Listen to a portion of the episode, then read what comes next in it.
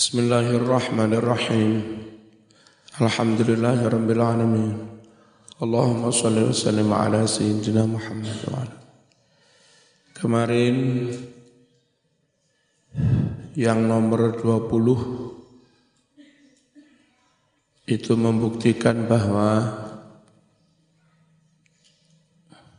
Imam Syafi'i itu biasa sowan ke kiai sepuh gurunya terus tasheh Quran sampai hatam ya. Ternyata gurunya juga karomah dawuh menjadi kenyataan. Insya Allah zaman akan langgeng Imam Syafi'i. Ternyata juga langgeng sampai sekarang. Itu diambil dari kitab Zakhiratus Saminah karangan Kiai Sarwani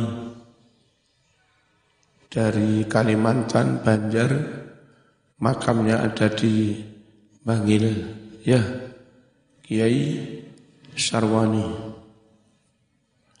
Terus katanya orang-orang di luar NU, Imam Syafi'i katanya berpendapat kirim doa tidak bisa. Ternyata ini yang nomor 21 Imam Syafi'i dawuh kalau mendoakan yang hidup boleh tentu mendoakan teman yang sudah mati juga boleh. Dan insya Allah berkah doa itu akan sampai kepada si may, mayit.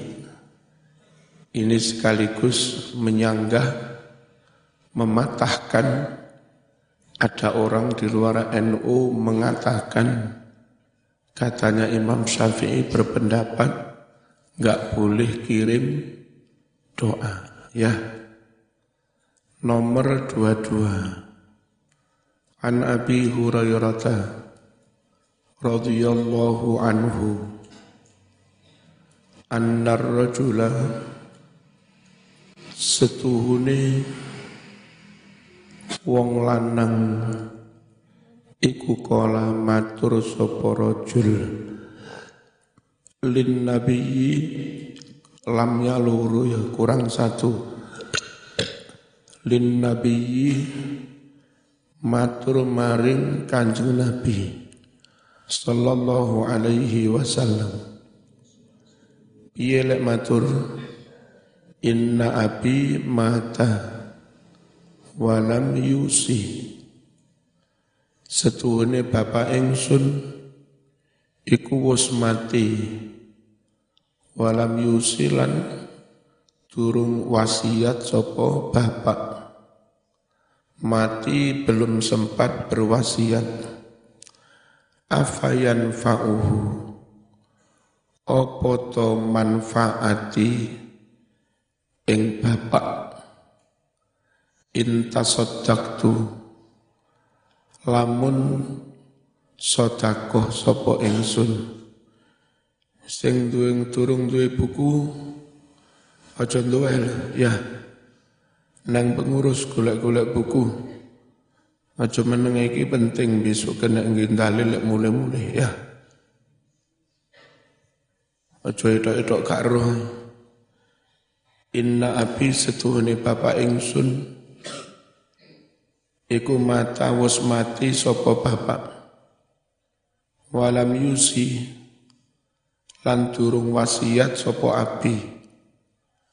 Afayan fauhu apa to manfaati ing bapak? Inta saddaqtu lamun sedekah sapa ingsun. Anhu ganjarane kanggo bapak jenenge slametan ya kirim do kirim doa. Kala dawuh sapa nabi piye lek dawuh? Na'am iya. Boleh apa enggak selamatan? Boleh. Hadis riwayat Imam Ibnu Majah. Terus sampean tak beri wawasan tentang wewangian. Entah wewangian itu kayak model Arab pakai apa itu namanya? Uh, membakar kayu gaharu, ya model Arab atau pakai dupa Arab atau pakai kembang-kembang pokoknya wah wangi. Rungokno aja gak salah paham. Disunahkan bersedekah ganjarannya diniatkan untuk bapak atau ibu yang sudah mening meninggal. Macam-macam sedekah. Duit sak juta, mau sumbangne kangge pembangunan masjid taupo diniatkan untuk bapak ibu yang mati itu namanya sedekah juga sedekah ganjarannya untuk bapak ibu atau kayak biasanya masak-masak lalu diberikan kepada lingkungan tetangga teman, juga berkat atau sembako. Niat ganjarannya untuk bapak ibu yang meninggal. Itu namanya bersedekah ganjarannya untuk bapak ibu. Boleh. Pokoknya sedek, sedekah. Atau bacaan-bacaan. Menurut hadis Bukhari, senyum sedekah. Lalu kalimat yang baik juga sedekah. Bacaan Quran, bacaan tasbih, tahmid, semuanya juga sedekah. Karena itu namanya juga sedekah, diniatkan untuk bapak yang mati boleh itu namanya bersedekah ganjarannya untuk bapak ibu. Dan nyun sewu bersedekah kepada orang hidup itu pakai materi yang berupa nasi, makanan, duit, dan segala macamnya. Halo, halo bersedekah kepada malaikat, bersedekah kepada makhluk gaib jin-jin yang muslim, itu pakai wewangian. Malaikat itu suka yang wangi-wangi. Niatnya para habaib atau kiai-kiai dalam acara maulid atau apa bakar yang wangi-wangi ya itu di samping niatnya untuk wewangian ruangan gawe nyenengne malaikat gawe nyenengne makhluk-makhluk gaib jin yang muslim nah itu namanya juga sedekah yang ganjarannya diniatkan untuk bapak ibu yang sudah meninggal. Wewangian itu pakai begitu boleh namanya wewangian. Kembang yang biasa dipakai orang Jawa itu wangi banget kan? Halo, itu namanya juga wawa, wewangian bagi muslim yang ada di Jawa tidak harus meninggalkan tradisi Jawa. Kembang-kembang dibuat di sadu ojo. Halo. Tapi percaya bahwa itu untuk sesembahan dan yang yo ojo bahwa itu untuk sesembahan Nyi Roro Kidul yo ojo. Lah terus piye? Tetep dipakai nggak apa-apa. Orang Arab sekarang melanjutkan tradisi orang Arab terdahulu. Bakar gaharu, bakar tupo, bakar kemenyan Arab. Gak apa-apa orang Jawa melanjutkan tradisi pakai kembang. Tapi dipahami dan ditoto niate. Untuk apa itu? Bukan persembahan Roro Kidul. Tapi malaikat itu suka yang wangi-wangi. Jin-jin muslim itu suka yang wangi-wangi. Makhluk goib itu suka yang wangi-wangi. Niatnya itu nyenengne, nyenengne kepada mereka. Sodakoh kepada jin-jin yang mus, muslim. Paham? Paham apa? Yang barangkali ada ganjarannya, niat ganjarannya juga untuk Bapak Ibu yang meninggal. Kalau zaman bisa memahami seperti itu, tidak perlu salah niat yang bisa-bisa jadi musyrik. Karena sesembahan Nyiroro itu juga tidak perlu menentang, menjelek-jelekkan, melecehkan tradisi lelu, leluhur. Wes, clear? Clear apa enggak? Nah, itu. Ditotoni, ditotoni niati. Lalu eh, menurut hadis sahih Muslim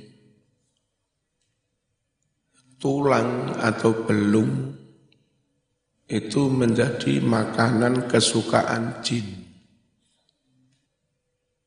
Nah,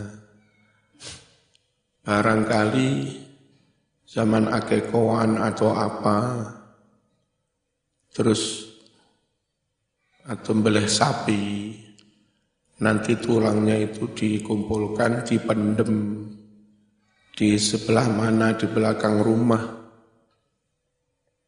itu tidak ada niat nyembah-nyembah jin atau apa. Satu, daripada dibuang nomurat marit, engkau malih diparani kirik, malih akeh kirik. Ya, terus kadang juga nyandung wong wong belum. Lalu nyun sewu Belung bekas begitu itu kan disukai laler.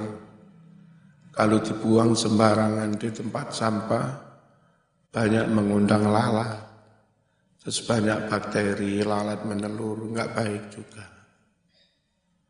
Maka yang paling aman untuk kebersihan, keamanan, kalau ada tempat, zaman umain yang deso, tanah yombo, mari selamatan niku belum-belum dikumpul ini dipendem.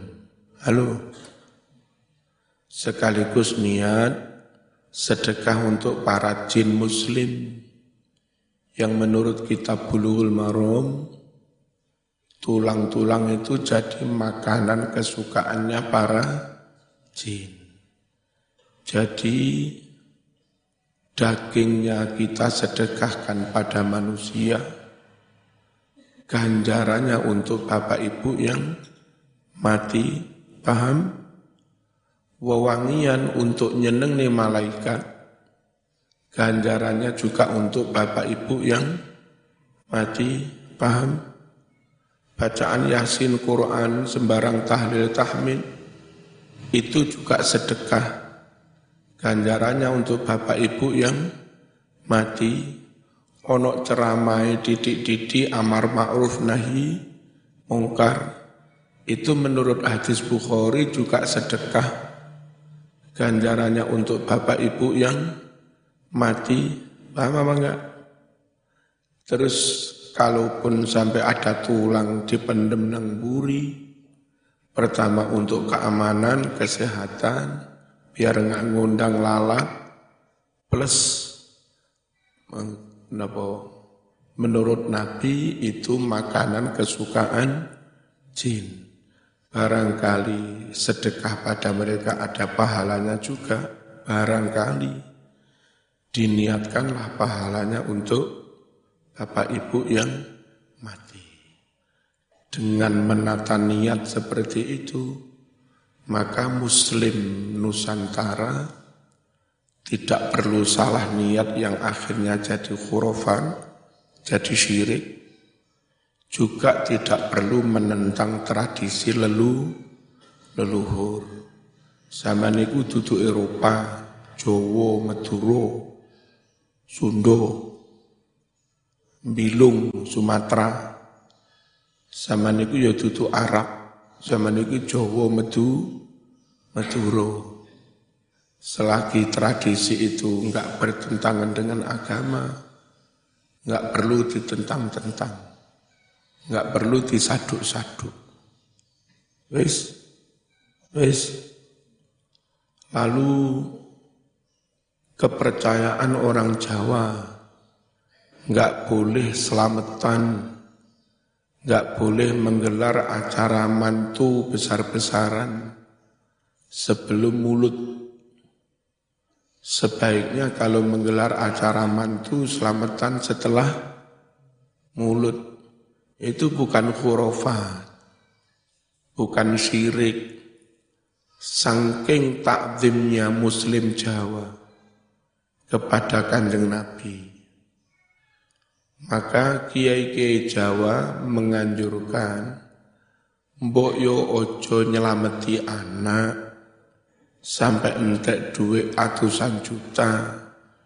Sak durunge nyelameti kanjeng Nabi. Sak durunge hormat kanjeng Nabi gak duwe adab. Nabi mu durung mau selameti duit atusan juta mau nggih nyelameti manteni anak. Giliran wayah nyelamatin Nabi duwein entek gak sido mulutan. Halo.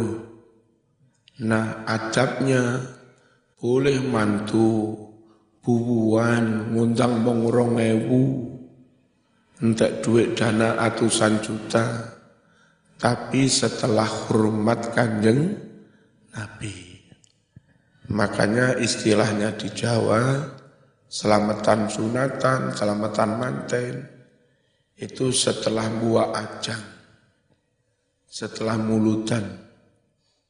Paham? Jadi dengan begitu tradisi tetap dilaksanakan. Tradisi apa? Tradisi mantu setelah mulu mulutan. Niatnya juga ditata. Niatnya apa? Takzim adab kepada kanjeng Nabi. Berupa apa adabnya? Adabnya berupa disikni nyelameti Nabi sebelum selamatan yang lain-lain. Clear. Kemudian tentang ojo mantu, ojo selamatan, nengulan suro. Ini kulek neng Jawa gak oleh mantu neng wulan suro. Itu tradisi yang sangat mulia. Tidak syirik, tidak khurafat. Tidak bertentangan dengan aga, agama. Itu adab. Saking adabnya Muslim Jawa kepada kanjeng Nabi. Muslim Jawa juga adab kepada anak cucunya kanjeng Nabi, Ahlul Bait. Cinta Rasul juga cinta anak cucunya Rasul, Ahlul Bait. Menjaga perasaan dengan Rasul juga menjaga perasaan dengan Ahlul Nah santri semuanya perlu tahu tanggal 10 suro tanggal 10 Muharram itu tanggal dibunuhnya Imam Hussein di Karbala. Cucunya kanjeng Nabi.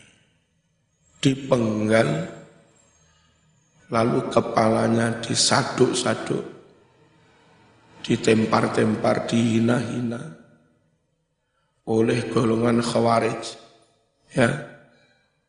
Lalu kepalanya ini disuduk begitu, dikarak rame-rame dibawa ke istana. Tanggal itu kalau Ahlul Bait ingat, itu hari kesedihan yang luar biasa. Hari di mana salah satu cucu Rasul dibunuh dengan cara biadab kayak begitu. Tidak pantas bagi muslim yang ngaku mencintai Rasul, hormat Rasul, adab kepada Rasul, malah rame-rame dangdutan, selamatan, mantu, pesta-pesta, di hari di bulan yang di hari itu keluarga Rasul lagi kesu, kesu, kesusahan. Paham? Apa? Ingat Imam Husain dibu, dibunuh. Makanya enggak baik. Terus kiai-kiai Jawa ojo mantu nang wulan ojo mantu nang wulan suro. Itu menjaga perasaan ahlul bait. Clear? Clear? Nah, beradab kepada para habaib. Ya. Beradab kepada ahlul bait. Jangan dituduh syirik. Jangan dituduh itu syiah kalau Syiah itu memperingati Karbala dengan cara menyiksa diri. Awalnya dikepuk-kepuk, disayat-sayat, pakai pecut, pakai rantai. Itu Syiah. Kalau ahlu sunnah wa jamaah mengenang, menghormat, menjaga perasaan ahlul baik dengan cara enggak etis kalau hari susahnya ahlul bait kau malah menggelar pes, pesta.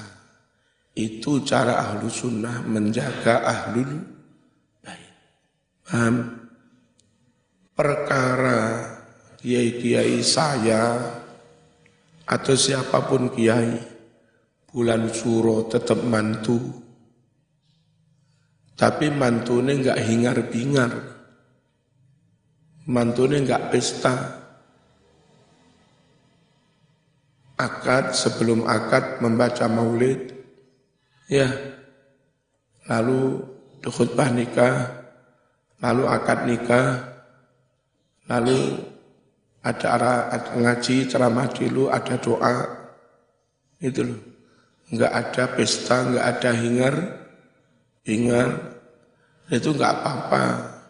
Karena menggelar akad nikah seperti itu tidak sampai bertentangan dengan hari susahnya ahlul. Malah baik wong acaranya baca maulid ya. Khutbah nikah, akad nikah, pengajian, terus do, doa. Ini ajaran ahlu sunnah wal jamaah yang diterapkan oleh kiai-kiai Nusan, Nusantara mengakomodir tradisi, menata niat, dan hormat kepada siapa pun yang memang layak dihur, dihormati. Ditinjau dari sisi aspek mana pun benar. Hanya kadang dikacau oleh ustadz-ustadz wahab, wahabi dari kita nggak ada niat nyembah ahlul bait. Dari kita nggak ada niat menghindari selamatan bulan suro karena takut dayang-dayangnya ngamuk, nggak ada begitu. Karena takut Nyiroro itu ngamuk, nggak ada begitu. Lalu digoreng-goreng, syirik itu nggak ada siriknya. Terus eh, menghindari apa tadi? Pesta-pesta di bulan suro. Itu insya Allah kalau sikap seperti itu menyebabkan Nabi ridho. Anak cucunya Nabi juga ridho. Ridhonya senengnya Nabi. Ridhonya senengnya ahlul bait. Itu malah bisa menjadi penyebab wasilah. Allah juga ri, ridho. Dan kalau Allah ridho, maka dengan kehendaknya Allah menghindarkan malapetaka, musibah. Kalau itu diterjang, terus membuat marah kanjeng Nabi, membuat marah anak cucunya kanjeng hanya Nabi nggak mengindahkan perasaan mereka. Terus mereka tersinggung banget. Godop banget. Godopnya anak cucunya Nabi bisa menyebabkan godopnya Gusti Gusti Allah. Lalu kalau Allah godop, bisa saja Allah menurunkan balak malapetaka musibah. NU memahami kalau gara-gara menggelar pesta di bulan Suro, lalu khawatir terjadi musibah. Musibah itu terjadi enggak karena ngamuknya Nyiroro Kidul, enggak karena ngamuknya Danyang, lalu mau obong ini kemenyan, enggak. Tapi karena Allah ghadab Allah ghadab karena kamu membuat tersinggung marah ahlul ahlul bait. Paham? Nah, sekali lagi NU enggak punya pretensi kepentingan visi misi menabrak menentang tradisi tapi NU juga tidak ingin dalam rangka melestarikan tradisi lalu agak berbau kemus kemus kemusyrikan. NU clear di saat melestarikan tradisi tetap menjaga ketauhidan di saat harus menjaga ketauhidan NU tetap saja bisa sambil menjaga ketauhidan juga menjaga tra, tradisi. Dengan begitu berislam bertauhid tidak harus benturan dengan masyarakat, berbaur bergaul dengan masyarakat, melestarikan tradisi, tidak harus kehilangan iman, tidak harus kehilangan ketahu ketauhidan anak-anak santri, kiai-kiai NU, calon kiai-kiai NU ini harus paham. Kalau enggak paham, zaman terjebak pada dua hal yang salah.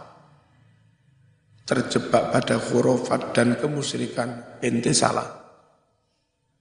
Terjebak model wahabi, tabrak semua. Akhirnya enggak jadi dakwah. Perang dengan masa masyarakat itu juga nggak benar. Bismillahirrahmanirrahim. Itu tadi macam-macam sedek, sedekah. Tulang dipendem, niatnya disedekahkan untuk para jin muslim. Wewangian bakar tupo Arab atau apa, atau pakai kembang. Niatnya nyenengne malah malah ikat dan makhluk gaib. Seko niate nyenengne sing urip. Halo bantuan duit niate kangge jariah pembang pembangunan. Semuanya itu kalau ada ganjarannya diniatkan untuk bapak ibu yang mati. Ani bin Abbasin riwayat saking Ibnu Abbas. Anna sing bener anna ya tutu inna. Anna rajulan. Setuhune ana wong lanang. Iku kala matur sapa wong lanang. Mature ya Rasulullah inna ummi setuhune ibu ingsun iku tuwfiat wus wafat sapa ummi. Afayan fa'uha opo to manfaati ing ummi? In tasaddaqtu lamun sedekah sapa ingsun anha ganjarane kanggo um ummi. Berarti selamatan kirim doa kola.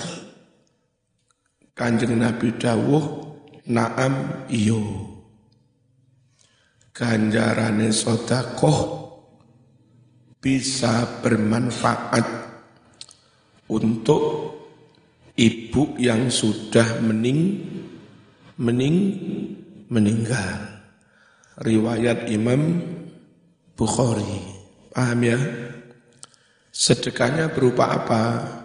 Berupa macam-macam. Nasi, berkat, duit, wewangian, bacaan-bacaan, ceramah. Itu namanya semuanya sedek, sedekah. Berikutnya, man utawi sopo wongi. Iku tala moco sopo man Maca apa? Qul huwallahu ahad. Mi'ata alfi marratin ping satu sewu di Blitar orang mati dibacakan kulu Allah sebanyak seratus ribu bahkan kadang lebih itu niatnya fidak menebus dosanya may, mayit. Lah dalilnya ini. Sopo wonge maca kul huwallah ping pira? Ping pira? Ping satu sewu. Faqatistaro mongko teman-teman wis tuku wis menebus sapa wong nafsahu ing awake minallah dari siksaan Allah. Berarti wis free, dosane wis diteb tebus. Nek gelem maca atau diwacakne kul ping ping satu sewu. Dengarkan nanti sebelum vonis orang itu masuk surga apa neraka. Allah memanggil siapa pun yang pernah didolimi.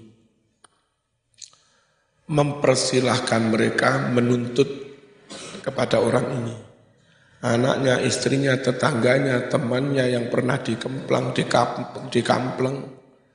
Mereka semua dipersilahkan menuntut menuntut.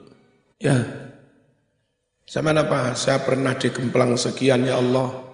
Ganjarannya orang ini diku, dikurangi. Ya. Sama apa? Saya istri yang tua nggak pernah dibelanjani ya Allah. Ganjarannya dikurangi untuk bayar. Nanti begitu. Berdasarkan hadis Bukhari, juga berdasar ayat yauma yafirrul mar'u min akhih wa ummihi wa abih wa sahibatihi wa bani. Bagi yang sudah nebus dosa, ditebus sudah, baca kulhu seratus ribu kali. Atau mayit dibacakan kulhu seratus ribu kali. Itu kalau banyak orang menggugat, menuntut, malaikat pengumuman malaikat yang diperintah Allah. Hei kamu semua jangan menuntut orang ini. Orang ini sudah bebas, harus ditebus. Kalau kamu ingin jaluk idol, apa, menuntut ganjaran tadi, karena merasa pernah di zolimi, yang membebaskan, yang menuntut orang ini, yang membebaskan, menebus dosa orang ini Allah. Maka kamu silahkan minta langsung kepada Gusti Allah. Nanti begitu. Nah ini tak baca lanjutnya. Wanada dan menyeru pengumuman sopo munadin malaikat kang dadi juru penyeru. Onok malaikat sing dikongkon pengumuman. Mingki balillah malaikat sing pengumuman mau sangking ngarsane Gusti Gusti Allah pengumuman di mana? Publikasi woro-woro ini. Fi samawati ing dalam langit Gusti Allah. Wa fi ardihi lan ing dalem bumine Gusti Allah. Bagaimana woro-worone Allah ingat ingat ingat. Inna fulanan sungguh si fulan yang kamu gugat-gugat itu si fulan yang kamu tuntut-tuntut itu atiqullah orang yang sudah dibebaskan Gusti Allah. Apa dibebasno? Wis diwacakne kul kuluhu seratus ribu kali. Terus bagaimana kami nuntut pada siapa? Nah ini faman sopo wongi lahu iku kadwemen. Tiba atun tuntutan gugatan. Kibalahu kepada si fulan. Siapa yang punya tuntutan gugatan kepada si fulan? Fal silahkan dia ambil ha tibaah tuntutan itu diambil dari siapa ini Halo, diambil dari siapa? Minallah, sangking Gusti Allah. Paham? Jadi perlu, hanya di Malang belum berlaku tradisi itu. Kalau di Blitar, Trenggalek, Tulungagung, Kediri, ada tradisi wong mati diwacakne kulhu seratus ribu kali. Niatnya kayak begini. Yang perlu saya tegaskan, semua tradisi yang ada di NU mesti ada cantolan dalil. Ini dalilnya. Tapi oleh ustadz-ustadz Wahabi sering dituduh bid bid'ah. Nah ini. Ngisruh. Ya, ngis ngisruh. Riwayat Imam Bazar dari Anas bin Malik. Hadisnya marfu apa marfu itu? Langsung dari kanjeng Nabi. Diambil dari kitab apa? Tuhfatul Murid judul kitabnya Tuhfatul Murid syarahnya kitab Jauharatit Tauhid. Ya. Kitab matannya Jauharatut Tauhid. Disarai kitab sarahnya berjudul Tuhfatul Murid. Halaman 140. Clear. Clear dari kanjeng Nabi langsung namanya hadis mar mar marfu an Abi Hurairah radhiyallahu anhu anna nabiyya sallallahu alaihi wasallam iku kana ono sapa nabi? Ono iku ya jaharu mbanterake sapa nabi? Bil basmalati bacaan bacaan basmalah. Nabi mengeraskan bacaan basmalah. Hadis Bukhari. Makanya di NU tradisinya kalau Fatihahnya keras, basmalahnya juga keras, meniru kanjeng Nabi. Berikutnya nomor 26 sesok mana? Al-Fatihah.